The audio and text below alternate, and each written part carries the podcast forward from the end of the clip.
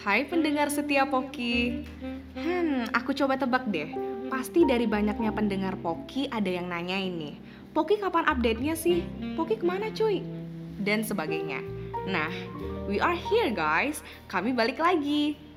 Aplaus dulu dong. Kalian apa kabarnya nih? Di cuaca yang kadang panas, kadang hujan alias nggak menentu ini, aku harap kita semua selalu sehat dan terhindar dari berbagai macam penyakit. Apalagi buat anak kos nih ya, yang jauh dari rumah, jauh dari orang tua, harus pandai-pandai jaga dirinya. Dan ngomong-ngomong soal anak kos, pas banget nih episode 2 Poki kita bakalan ngebahas tentang anak rantau. Hmm, penasaran gak tuh? Pastinya aku nggak sendiri, ada Teguh dan Akila, juga guest kita yang kece-kece banget tentunya. Siapa aja mereka? Yuk, boleh yuk kak, kakak-kakak cantik ini kenalan dulu sama pendengar setiap Poki. Uh, Oke, halo semuanya. Kenalin nama aku Kamila Fahronisa, biasa dipanggil Mila. Uh, aku jurusan sastra Jepang angkatan 20, terus asalnya dari Jakarta. Uh, halo semua, nama gue Farida Nafisa, biasa dipanggil Cici. Gue dari jurusan sastra Jepang angkatan 20, asalnya dari Jakarta. Oke, berhubung kita ngebahas anak rantau nih di episode kali ini. Gue sama Zara kan bukan anak rantau, jadi gue nggak tahu banyak dong soal duka yang dirasain oleh anak rantau di sini gitu. Tapi nih ya, host kita yang satu lagi, Akila. Dia anak rantau nih, jadi kita dihitung-hitung ternyata kita punya tiga gue star lah ya, bisa dibilang. Nah, boleh deh gue serahin ke lu Nikil untuk mulai sesi sharing seputar anak rantau di episode Poki kali ini. Ah oke, thank you Gu. Nah jadi jujur ini tuh salah satu episode yang dari kemarin pengen banget gue bikin tapi nggak sempet sempet karena mungkin kesibukan kita belakangan ya dan di sastra Jepang kemarin lagi ada PMSJ dan persiapan segala macam dan secara juga gue anak rantau jadi gue pengen banget gue pengen tahu nih apakah struggle anak-anak rantau tuh sama semua nggak sih gitu Oke, boleh dong cerita cerita mulai dari kenapa sih kalian memutuskan untuk kuliah di Sasa Jepang Unan? Kan masih banyak Sasa Jepang lain gitu loh. Kenapa harus Unan? Dan itu kan juga jauh dari rumah kalian ya gitu ya. dari siapa aja dah poinnya 20 Gu. Anjir, siapa dulu? Milo. Uh, kenapa nggak dari hostnya aja dulu? Akil mungkin mau Oke, di... boleh. Eh, kalau gua jujur, kenapa gua milih untuk kuliah di Unan dan sastra Jepang? Mungkin karena gue pengen kabur dari rumah kali ya, kasarnya. Gue pengen nyari pengalaman baru dan gue pengen ketemu orang-orang baru juga sih. Gitu mungkin. Kalau lu gimana nih? Uh, kalau gue sendiri sih mungkin ini klasik sih ya karena ayah gue itu kan orang Sumatera Barat jadi ayah gue itu menyarankan kalau gue itu menempuh pendidikan di tanah kelahirannya sendiri mungkin itu sih kalau Cici gimana? Uh, kalau gue alasannya karena yang pertama ini ya apa klasik sih kayak nggak dapet di Pulau Jawa gitu terus nyoba-nyoba nih di apa di luar semua di luar Jawa gitu eh dapet udah sekalian juga kayak istilahnya healing gitu lah ya Nyasar sih sebenarnya. Iya sih. Iya. Oke, next next ini kita bakal bacain pertanyaan-pertanyaan dari teman-teman kita yang ada di question box Instagram nih yang kemarin udah kita post di IG Saji Unan ya. Oke, boleh gue bacain pertanyaannya. Oke, pertanyaan pertama nih kayak klasik banget sih. Apa saja sih kultur shock kalian selama kuliah di Padang? Padang ya? Oke, siapa dulu? Uh, gue dulu boleh gak? Boleh. Oke, eh, karena berhubung gue ini kan mi- mixed blood eh, antara Padang dengan Jawa, eh, jadi mama gue tuh lebih suka masak eh, lebih manis daripada pedas gitu kan. Dan kultur shocknya sendiri adalah makanan. Karena makanan Padang ini kan terkenalnya dengan yang pedas-pedas ya. Iya. betul. Eh, jadi itu sih sedikit struggle. Terus ada lagi satu lagi dan ini tentang makanan juga yaitu berasnya. Beras Padang ini tuh sedikit hambur. Gimana sih cara ngejelasinnya? Badar, Badarai. badarai. Nah, bahasa sini itu badarai. Jadi untuk sejauh ini masih itu sih cul- culture shocknya. Kalau lo gimana sih? Kalau gue culture shocknya paling lebih ke makanannya sih kayak murah-murah gitu. Kayak sepuluh ribu tuh udah dapat ampera gitu. Kalau di Jakarta tuh setiap tahun tuh kadang naik gitu loh kayak sampai sekarang udah 17 ada kali ya. Dan itu pun cuma lauk satu biji dan nasi gitu. Nasi pun gak banyak gitu loh. Kalau di sini tuh ampera tuh bisa dapat banyak gitu sepuluh ribu. Jadi ya mungkin lebih ke itu aja sih Oke, kalau gua satu kata deh, Indomaret. gua nggak bisa sumpah, Iya, bener Itu kalau shock banget gua di sini apa-apa agak susah gitu dan di sini swalayannya mungkin agak beda kali konsepnya ya. Hmm. Kayak nggak ada price tag-nya gitu loh, jadi kita kita nggak tahu nih harganya berapa, jadi agak agak, transparan agak deg-degan juga. terus menerka-nerka Iya. berapa sih harganya gitu Jadi itu sih paling kalau gua. Next. Oke, kita beralih ke pertanyaan yang kedua. Ini yang nanya gini nih, dia ngomongnya. Kak, kalau lagi homesick biasanya ngapain? Nah, bisa mungkin bisa dimulai dari siapa dulu deh, terserah. gue dulu boleh kali ya Oke. homesick ini jujur aja sih gue gue jarang banget homesick sih tapi kalau misalnya gue sekalinya homesick kadang gue langsung nelfon orang tua gitu sih kayak nanya kabar gitu segala macam kadang juga yang kayak eh, video call gitu kan. Karena kangen rumah apalagi kangen kucing gitu. Udah lama gue gak ketemu kucing gue jadi ya jarang sih kalau homesick cuman ya gitu. Lebih ke nelfon sih. Kamila? Eh, kalau misalkan gue gimana ya homesicknya? Untuk sampai di Padang pertama kali itu nggak ada sih homesick. Tapi eh, kayak satu hari tuh bisa empat kali ditelepon sama orang tua.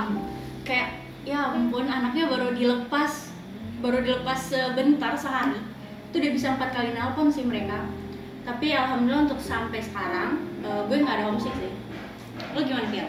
Kalau gua kalau homesick paling iya sama kayak Cici sih gua nelfon keluarga paling video call nanya kabar nanya ada improvement apa aja di rumah maksudnya kayak di lingkungan rumah gua ada apa yang baru gitu-gitu aja sih paling Oh ya, gue satu lagi sama kayak Cici nih, kan dia punya hewan peliharaan kan. Nah kemarin gue nih juga ada sempat melihara karena eh, pandemi kan. Gue nih beli hamster. Jadi eh, gue tuh agak-agak bingung siapa yang merawat hamster gue kalau gue nggak ada. Tapi ujung-ujungnya balik lagi sama kayak mereka berdua video call gitu sih. Tapi hamsternya masih baik-baik aja kan, Kak? Alhamdulillah. Oh, alhamdulillah. Tadi ada 12. Banyak banget. Terus tinggal 7. Oh, tinggal tujuh. Oke. berapa Aduh, mau dibeli nggak? Oke, berarti ini kesimpulannya nelpon orang tua ya, Kak ya? iya Oke, next questionnya gue. Yang ketiga nih, apa iya makan nasi padang nggak boleh pakai sendok? Iya nih. Ini nih banyak banget yang bilang makan nasi padang itu wajib pakai tangan nih. Gue Kalau setuju kalian sih. sendiri gimana sih?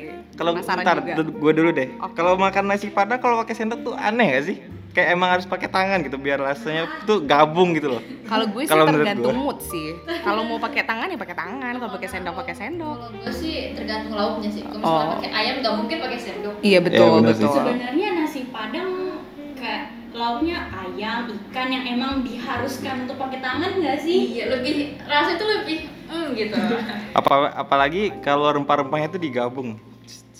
Baru makin enak deh kalau pakai tangan. Kalau gimana Gil? Kalau gua jujur mungkin agak unorthodox ya kayak gitu. Cuma gua tuh dari kecil nggak pernah bisa makan pakai tangan. Jadi nggak tahu kenapa tiap gua nyerok pakai tangan gitu. Aneh. Pas gua masukin mulut tuh yang masuk ya agak tiga empat butir gitu. kayak apa ya? Ngaisnya tuh susah, ngaisnya tuh susah ya? Dan itu kalau gua makan pakai tangan tuh pasti lama kan. Sedangkan banyak yang harus gua kerjain nih. Kayak nggak lucu kan setengah jam cuma buat ngabisin makanan doang. Bener-bener. Itu lebih prefer sendok karena lebih cepat aja sih. Berarti ada yang pakai sendok, ada yang pakai tangan ya. Lu, lu sendiri yang pakai sendok berarti ya. Sendok gua pernah diteriakin sama teman gua. Hmm. Karena lo tuh kayak melawan hukum alam gitu sih? Sekte mana tuh? Iya. Sekte mana lo?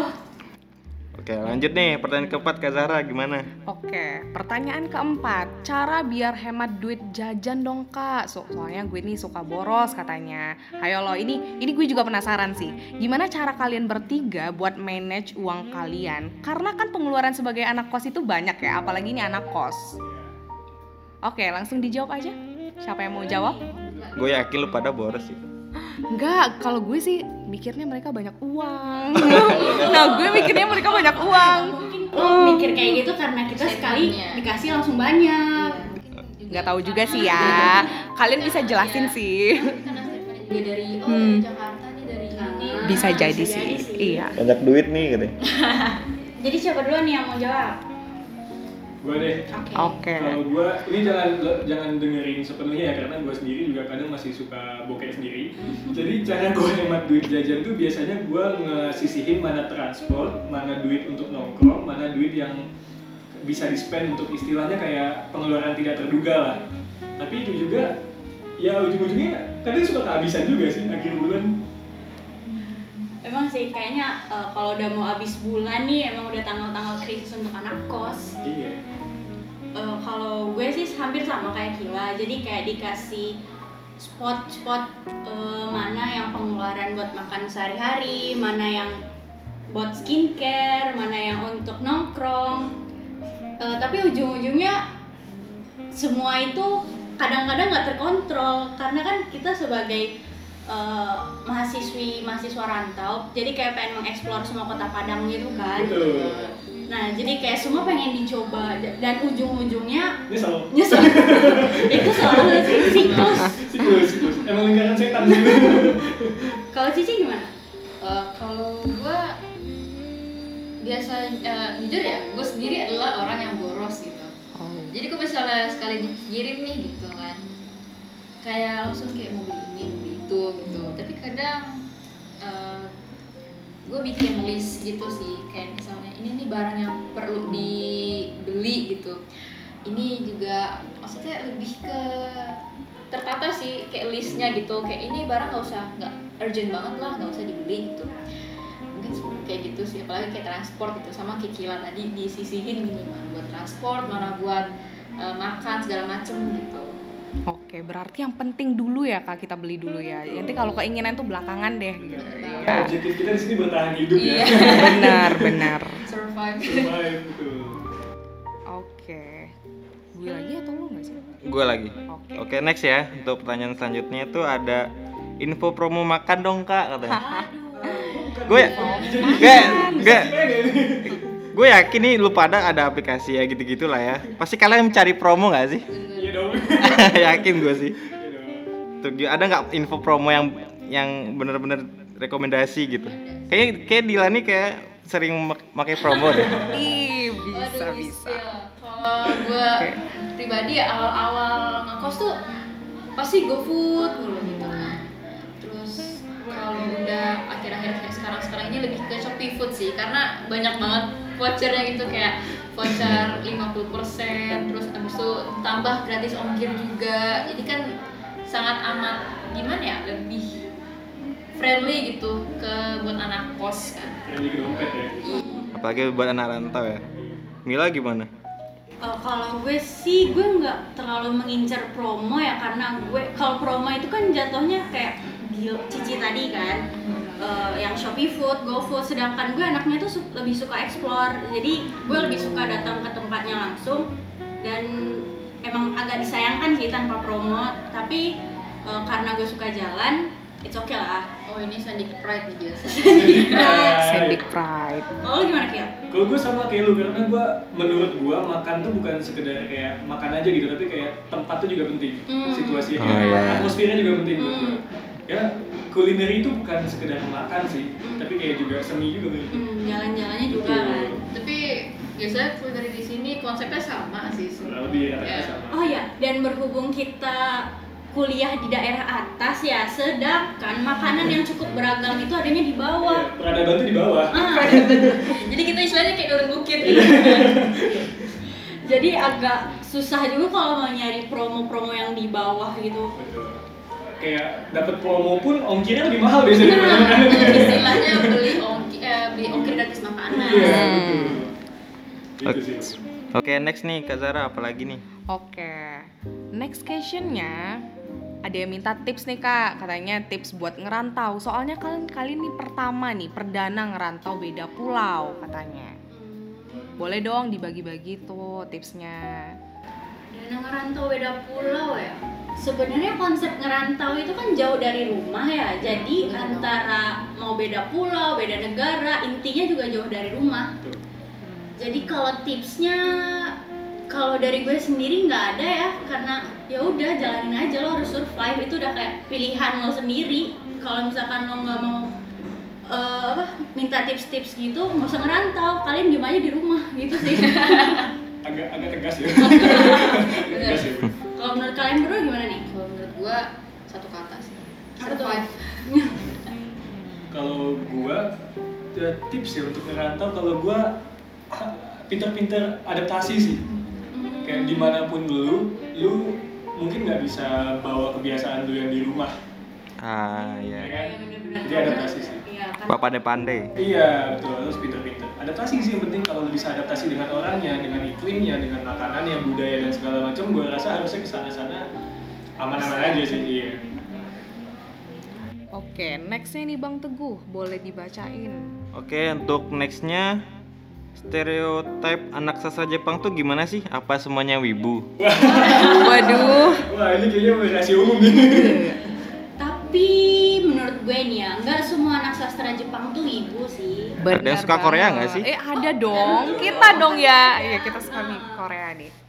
Karena orang-orang masuk sastra Jepang nih nggak cuma ngejar animenya aja, pasti Iya, mereka juga ada yang betul. suka kulinernya Jepang, budayanya Jepang. Jadi tergantung orang sih. Tapi kalau di angkatan 20 sendiri nih ya, eh, untuk aura-aura wibu tuh nggak terlalu kelihatan sih. Nggak menurut begitu gue. ya? Oh, nggak begitu kecil. Iya, iya benar-benar. Iya, iya sih. Nggak begitu kecil.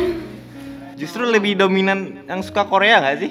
Apalagi cewek-ceweknya. Kayaknya ya. Makanya yang gue takutin ini kan FID mau buka Sastra Korea, ya? takutnya anak sastra Jepang pada. Tahu-tahu sisa 60 lagi angkatan 20. Kalau menurut gua sama sih kayak Mila tadi nggak semuanya anak sastra Jepang tuh wibu gitu. Banyak yang suka Korea, apalagi Thailand juga kan. Waduh, Gitu. Thailand. Thailand. Pasti ada dong. Banyak. Ada pasti. Iya. Tapi seperti itu sih kalau misalnya ada pun auranya iya bener nggak kelihatan gitu tertutup gitu. Kalau misalnya ada yang bahas ini baru deh dia kayak ih eh, lu juga suka ini ya baru deh tuh ngomong tuh sesama wibu gitu kan.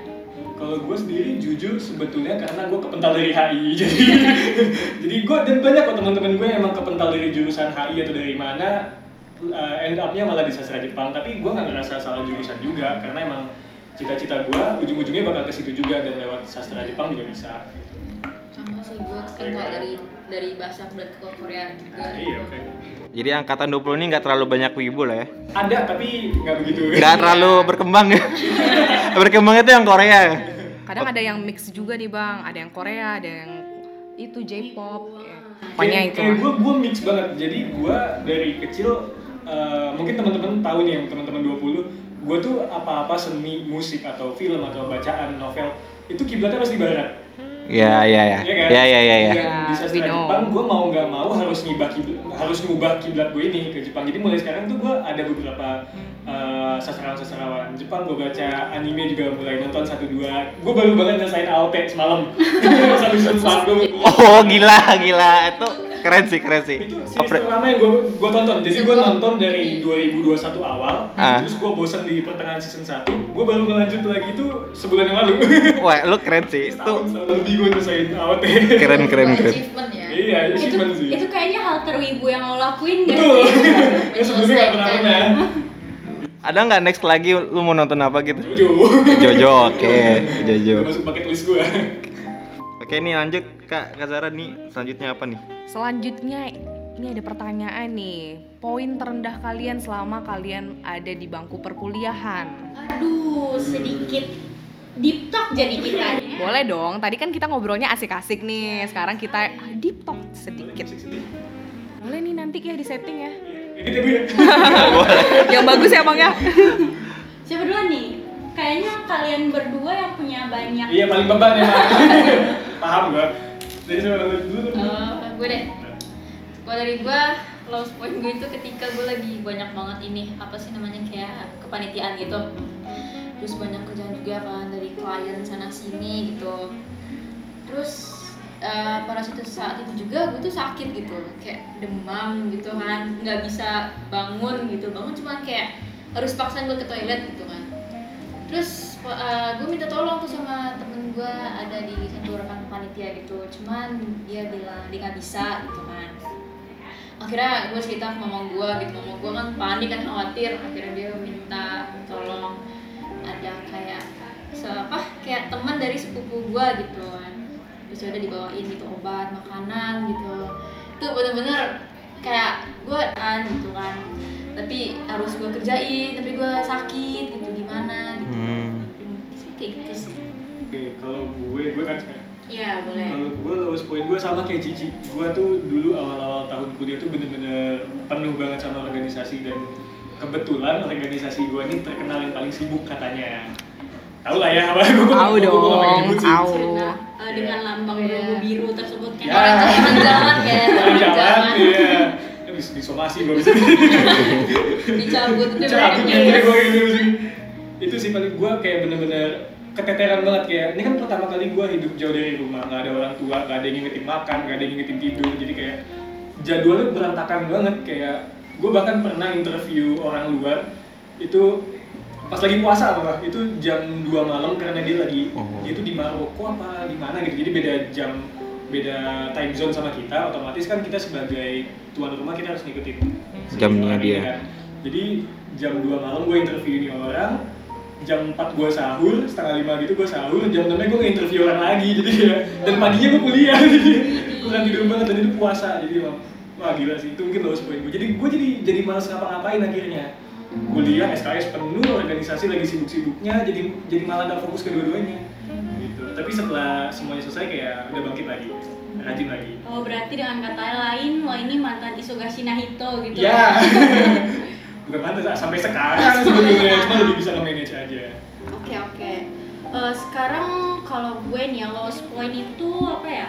Untuk semester 3 kayaknya 3 dengan 4 itu tuh kayak merasa gimana sih kalian yang pasti pernah lah ya ngerasain gimana kalian tuh merasa sedikit salah jurusan Hmm. sebenarnya nggak salah sih tapi karena Kurang mungkin ngerti. uh, kurang ngerti dan pelajarannya makin lama makin susah udah gitu gue masuk jurusan ini kayak bukan kemauan gue sendiri gitu loh jadi makin makin lah itu uh, perasaan-perasaannya ya Allah kok gue capek banget di sini bisa nggak sih pindah jurusan tapi saat itu gue mikirnya uh, karena gue udah semester 3 mau naik ke 4 udahlah jalanin aja. Jadi uh, gue mau cerita ke orang tua juga nggak bisa karena gue takut perasaan mereka tuh bersalah juga ke gue itu sih. Terus uh, apa ya kayaknya ini sih uh, teman. Jadi di, di sebagai anak rantau teman itu sangat sangat uh, berarti bagi kalian. Karena Iya, kalian betul. jauh dari orang tua terus kayak nggak tahu mau ngapain kalau misalkan nggak ada orang tua. Jadi teman itu benar-benar support system. Ya dan itu ada kayak eh, temen gue nih kayak ada lagi ada masalah gitu kan. Jadi kayak satu apa sih namanya? Satu orang bad mood. Nah sa- semua Satu sekelilingnya omongan bad ah, mood, satu iya. bad mood. Iya, itu kayak juga. Is apaan banget sih? Dan itu nggak cuma satu kali. Jadi kayak bikin mood gue tuh hampir setiap hari tuh bad mood. Itu sih.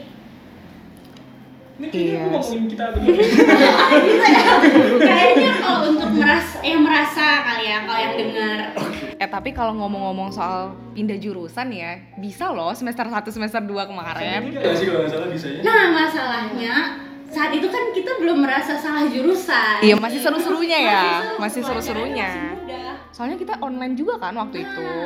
Jadi apa-apa bisa lihat Google Translate ya. Sampai sekarang gak sih? Kalau nggak ada bisa tanya teman. Iya. Dan, dan si Mila ini kalau nggak salah banting arah banget ya ini boleh gue ceritain gak nih lu dulu daftar di mana Apa tuh apa tuh? Apa tuh? Bo- Boleh Jadi- sih, boleh sih. jadi dulu jadi Mila ini sebenarnya satu tahun lebih tua dari kita secara angkatan Oh. Iya, secara angkatan. ya jadi dulu tuh sempet daftar di mana Mil?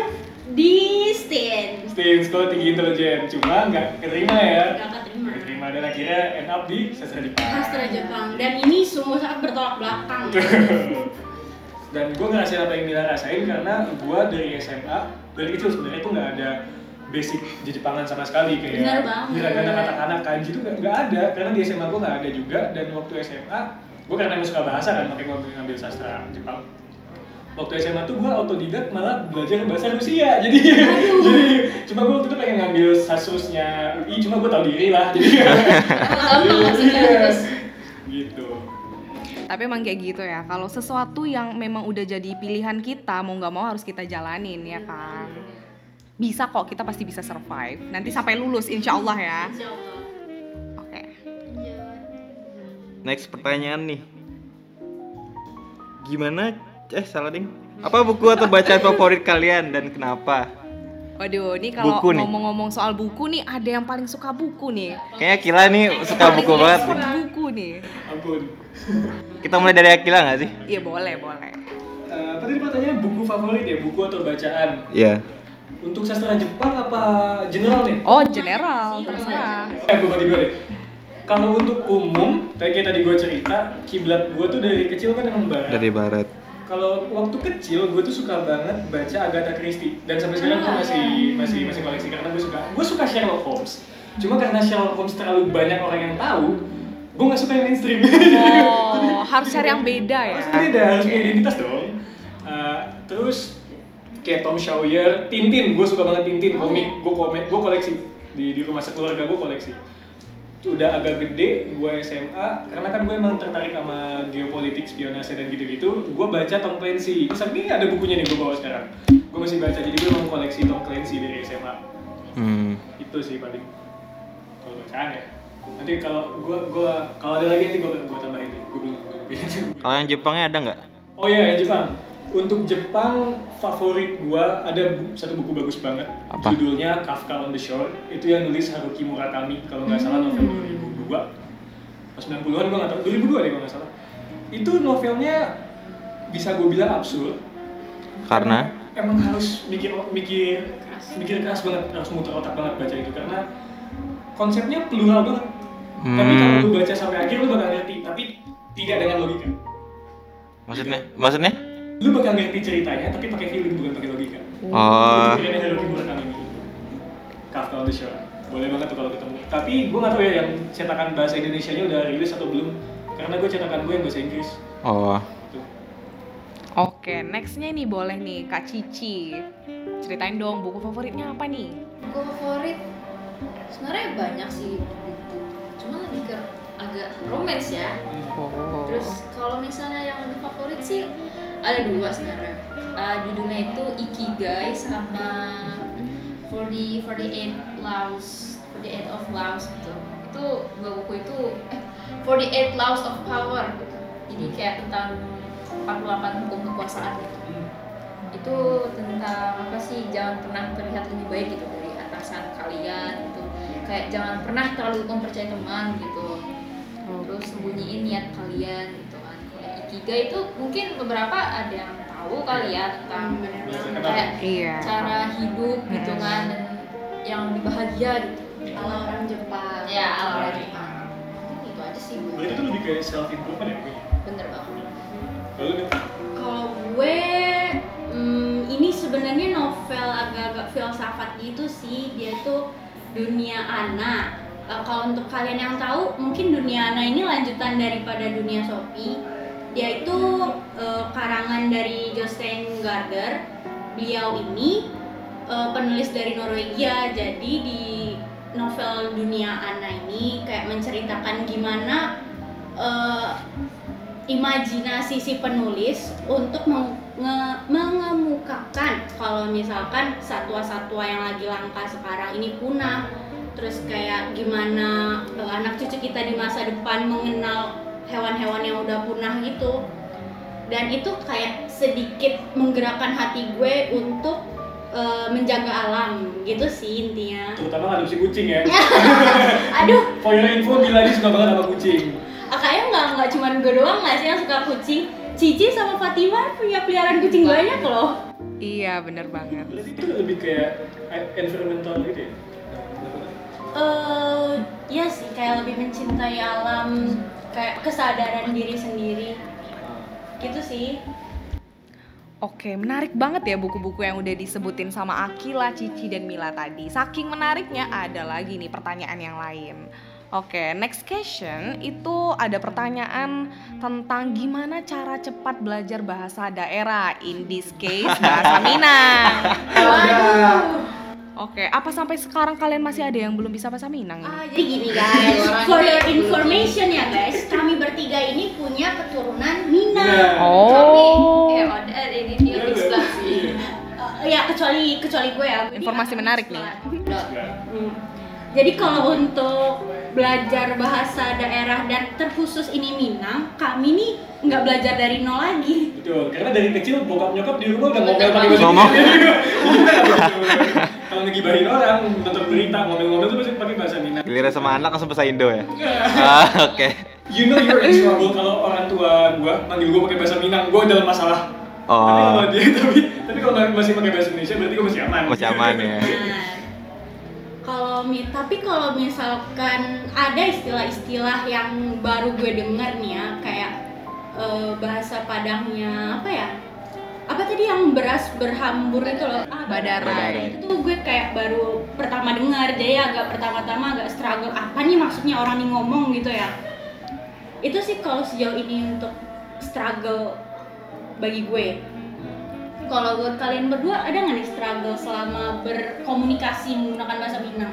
kalau gue struggle nggak struggle struggle banget sih sebenarnya karena orang tua kayak ngomong bahasa Minang tuh sama sepupunya gitu saudara-saudaranya gitu kan di telepon cuman kita di rumah tuh nggak boleh ngomong pakai bahasa Minang Oh gitu. Kayak gitu? Jadi nggak boleh. Jadi bahasa Indonesia nggak iya boleh Minang. iya nggak boleh kecuali Karena- orang tua sendiri gitu. Oke. kalau orang tua ngomong nih. misalnya sama Benar. saudaranya gitu kan Hmm. itu boleh tapi kalau misalnya kita ngomong sama keluarga sama orang tua itu nggak boleh Oh, kayak besok pakai bahasa Perancis ya di rumah.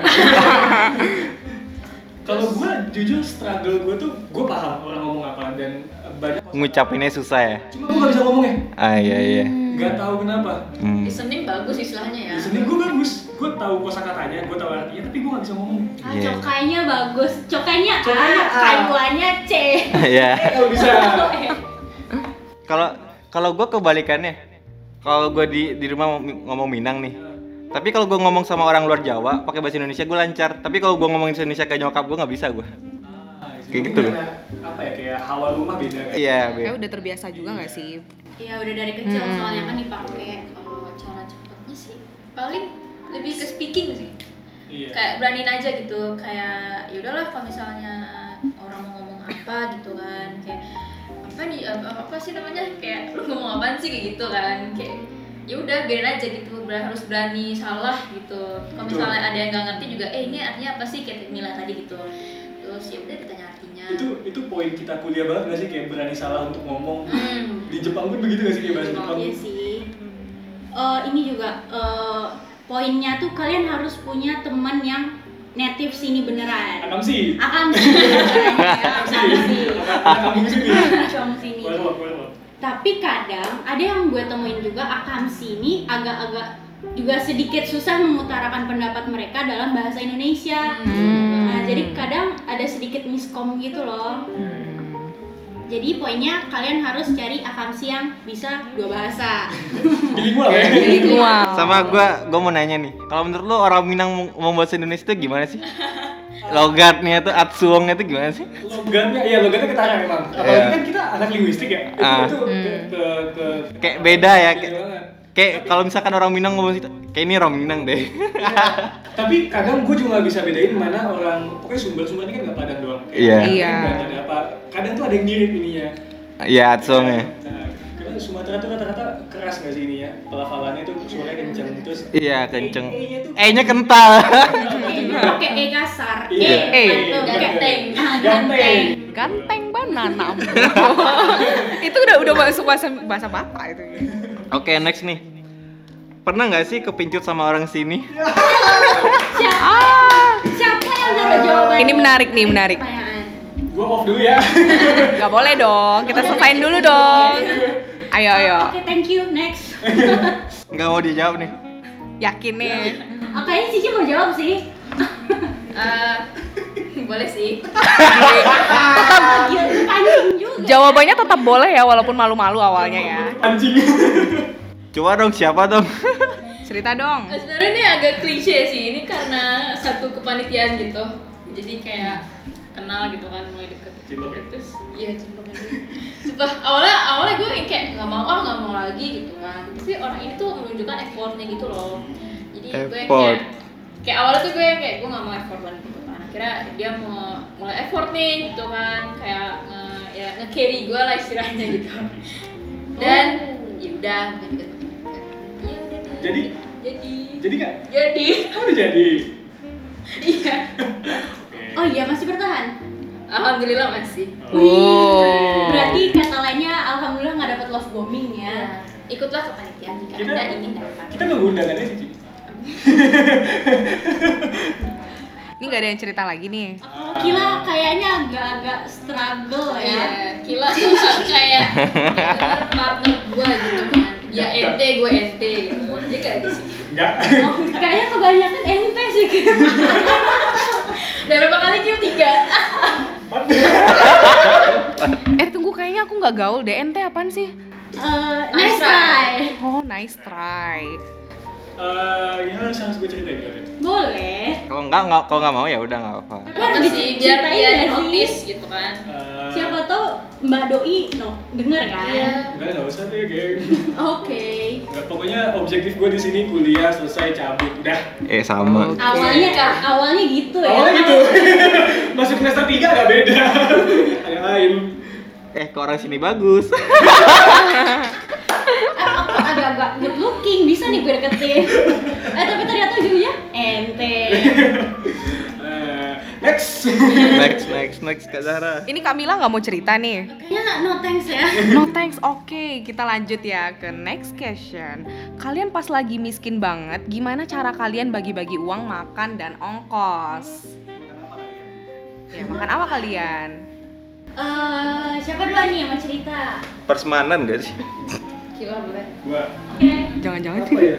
Gua gua gua Oh iya tunggu, kayaknya Kila ini agak-agak beda dari gue sama Cici ya Betul. Karena Iya, betul. dia ini nggak ngekos guys Iya, gue sama nenek kebetulan juga. Jadi makan aman sih. makan aman. Makan aman Cuma emang kadang pengeluaran tidak terduga ini yang mengejutkan. Apalagi BBM belakangan ini naik kan Itu dia. Hmm. Pada nyampe nyampe kampus taunya kelasnya nggak jadi. Ah itu sih gila. Kesel banget. Jadi nggak ada Apa tadi Nggak ada struggle ada sih. Tetap aja sebenarnya. Struggle-nya nggak soal makanan ya Soal makanan sih lebih ke ya. Cara bagi uang makan dan ongkos. Itu pertanyaannya. Ya. Tapi tadi udah dijawab sih Iya, awal sama sih sama. Sama yang Sama awal ya? yang tadi ya. Cara ya biar hemat uang jajan jajan tadi ya. Sih. Apa kita next aja next? Next aja deh. Emang ada nextnya nih bang? Enggak? Kayaknya kayaknya ini teman gue deh kayak ini deh. Waduh. Poki Teguh Kak kata. Nih Birta kalau dengerin tolong ya. Nih ini Poki weh, ini Poki sekarang. Poki teguh gak, nggak ada question mark, nggak ada titik nggak ada. Poki Teguh Kak doang lagi. Poki teguh, iya iya Poki teguh. Mungkin dia mau dengar pendapat lo kali tentang Iya. ini, tentang anak rantau. Sepanjang kita telah sepanjang kita bercerita tadi gitu, tanggapan pribadi. Kalau menurut gue ya anak rantau ya pandai-pandai sih, mbak pandai-pandai di ranah orang aja sih. Tapi jangan terlalu gimana ya? Bukan kayak terlalu di diikutin kata orang orang rantau gini. loh. Kadang anak rantau nih Bener. ngikutin orang di sini gitu. Nah orang sini itu berlebih-lebihan banget gitu loh soal budaya dan segala macam ya. Gua gua rasa tuh dikurang-kurangin aja ya. Berpandai-pandai aja dari sini gitu. Maksudnya agak etnosentris gitu. Ya gitu lah maksudnya. Gak berani dia ngomong. Takut disomasi. Jangan ntar kita diserang cok. Udah. Tapi iya sih kayak apalagi kalau misalnya orang itu ngomong pakai harus coba lah belajar ngomong pakai bahasa ini gitu kan. Tapi kita gila kita ngomong pakai bahasa ini kayak diolok-olok gitu. Tuh. itu kesel banget sih. Bisa bisa tapi butuh proses gitu. Jangan langsung di di apa namanya? Langsung di gitu. iya. Gue pernah di sini kayak diomongin diomongin sama orang-orang. Jadi mereka pakai bahasa sini mungkin mereka mikirnya gue nggak ngerti sama sekali. Oh. Karena gue cuma nggak bisa ngomong kan. Iya alhasil gue tahu apa yang mereka gibahin selama setengah jam. Ah iya bener banget. Gue juga ngalamin apa yang ngalamin. Waktu awal-awal datang ke Padang nih kan Kayak ada suatu Apa ya mahasiswa mungkin kayaknya ya. Eh, Dia kayak menilai penampilan gue Kayak entah penampilan atau cara ngomong Tapi karena gue pura-pura sosok nggak ngerti bahasa Padang gitu kan ya Terus kayak eh lo jangan salah ya gue ngerti apa yang ngomongin gitu sih. Tapi emang kadang play dumb tuh kayak apa ya, penting juga sih kayak buat nyisihin mana orang yang Ah. ini bisa nih gue jadiin teman ini. Ah bener banget. Karena kalian kan harus pandai-pandai mencari teman ya. Karena kalau pandai-pandai. Iya udah dunia kuliah ini kayak orang udah makin beragam aja gak sih? Iya beragam. Yang awalnya dulu Background kita ya. kayak kenalan banyak gitu makin next semester dikit emang Iya. Bener banget sih itu. Soal teman. Ya, ini ada pengalaman nih. iya, iya, itu jelas sih. Ya kayak gimana ya? eh, ujung-ujungnya ya kalau kita kuliah ini juga sendiri gitu Iya. loh. Karena kakak lulus juga sendiri, Iya. skripsi sendiri gitu. Bener. Kayak lu, lu ada struggle juga. Gua sedekat apa pun temen dia nggak selalu nggak selalu Iya. ngejamin dia ada terus loh. Pokoknya kita memang harus pandai mandiri, kita harus mandiri gitu loh. Ntar ditusuk dari belakang juga. Eh, eh kadang ya, kadang nih kalau kita misalnya pergi sendiri ya ada suatu kelegaan gitu lah. Misalnya kita nggak perlu lagi nunggu-nungguin orang, eh kamu udah selesai belum? Eh kita ke sana yuk, ke sana yuk. Nggak perlu gitu. Kalau kita sendiri ya kita bebas mau ke mana pun, mau ngapain juga gitu. Benar banget. Eh, pertanyaannya masih ada atau enggak ya kak ya? Untuk pertanyaannya kayaknya udah nggak ada deh. Kita lanjut aja closing. Ayo Kak Zahra. Oke, ini seru banget gak sih obrolan kita hari ini di episode kali ini? Eh, atau enggak sebelum closing eh, kakak-kakak host nih ada Oh, pertanyaan nggak nih? aku ada nih, ada nih, ada banget. Nah, aku tuh aku pengen nanya kalian ini, kalian tuh punya nasehat gak? Bukan nasehat juga sih, atau pesan gitu buat anak kos lainnya yang ada di luar sana yang lagi dengerin Poki tentu aja. Apa ya? Siapa dulu yang mau jawab? Yang paling tua. Aduh, merasa alah gae ya. 2001 lain? Aduh, oh, lain. Kita dong. Eh, untuk kiat-kiat apa ya di anak rantau?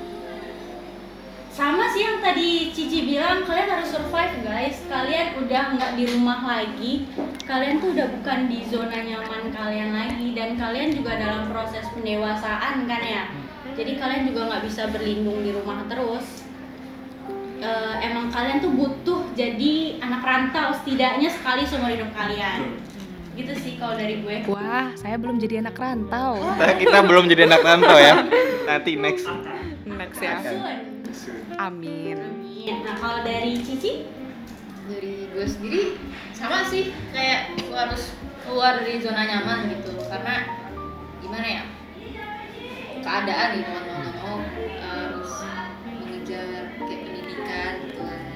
nanti kalau misalnya udah kerja gitu kan nggak mungkin kalian maunya kerja di sini gitu. Pasti ada ada sedikit niatan mau kerja di luar gitu mau dari itu pulau Sumatera lah atau pulau eh luar Indonesia lah gitu kan. Kan harus keluar dari zona nyaman kan. Yang kedua adalah survive. Terus penting banget sih itu. Dan yang terakhir apa ya? Beradaptasi gitu. Harus pintar-pintar lah beradaptasi di di lingkungan gitu sama aja kayak di mana bumi dipijak di situ langit menunjuk Iya, weh. Bijak. alhamdulillah. Kalau gua apa ya? Gua eh, kayaknya hampir semuanya sama sih sama Cici. Tapi eh, tadi yang Mila singgung zona nyaman itu itu gua baru nyadar juga nih. Lu setidaknya lu harus keluar dari zona nyaman dulu sih. Sekali seumur hidup deh lu cobain supaya efeknya tuh beda banget. iya kan Mungkin banget. mungkin bisa ngubah lu selamanya. Eh, kar- kayak lo di rumah nih kan bangun tidur udah ada makan di meja makan, terus kayak lo ke jauh dari rumah terus tau bingung nih apa menu nanti kita makan ya, apa nanti kita mau makan malam apa ya? Apa Terus rumah aja kali ya? itu kayaknya buat akhir bulan. Di akhir bulan anjir. Indomie promo gitu Kalau misalkan masih ada uang sedikit, beli tempe gitu sih. Eh, at least beli ini lah beli bahan masak Hmm, gitu. Tuh ada pertanyaan lagi nggak nih dari kakak kedua? Kalau Ya. dari aku sih udah ya. Aku juga nggak ada kayaknya. Oke, kayaknya udah jelas ya semuanya. Oke teman-teman, pendengar setia Poki, banyak banget ya hal-hal baru yang kita tahu dari cerita yang udah disampaikan sama Akila, Kamila, dan Dila tadi. Bukan cuman perbedaan budaya dan kebiasaan aja nih, tapi juga tips-tips ngerantau bagi kalian yang berminat buat jadi anak rantau. Intinya, jalanin aja pinter-pinter adaptasi dan survive. Terus ya, kalian tuh harus banget nih kata Kak Mila tadi, cobain jadi anak rantau. Ya satu kali seumur hidup lah ya, nggak apa-apa gitu. Kalian harus berani keluar dari zona nyaman. Oke? Kalau gitu aku Zahra Aku Teguh. Gue Akila. Dan dan Mila. Pamit undur diri. Makasih udah dengerin podcast kali ini. Sampai jumpa di episode selanjutnya. Dadah. Dadah.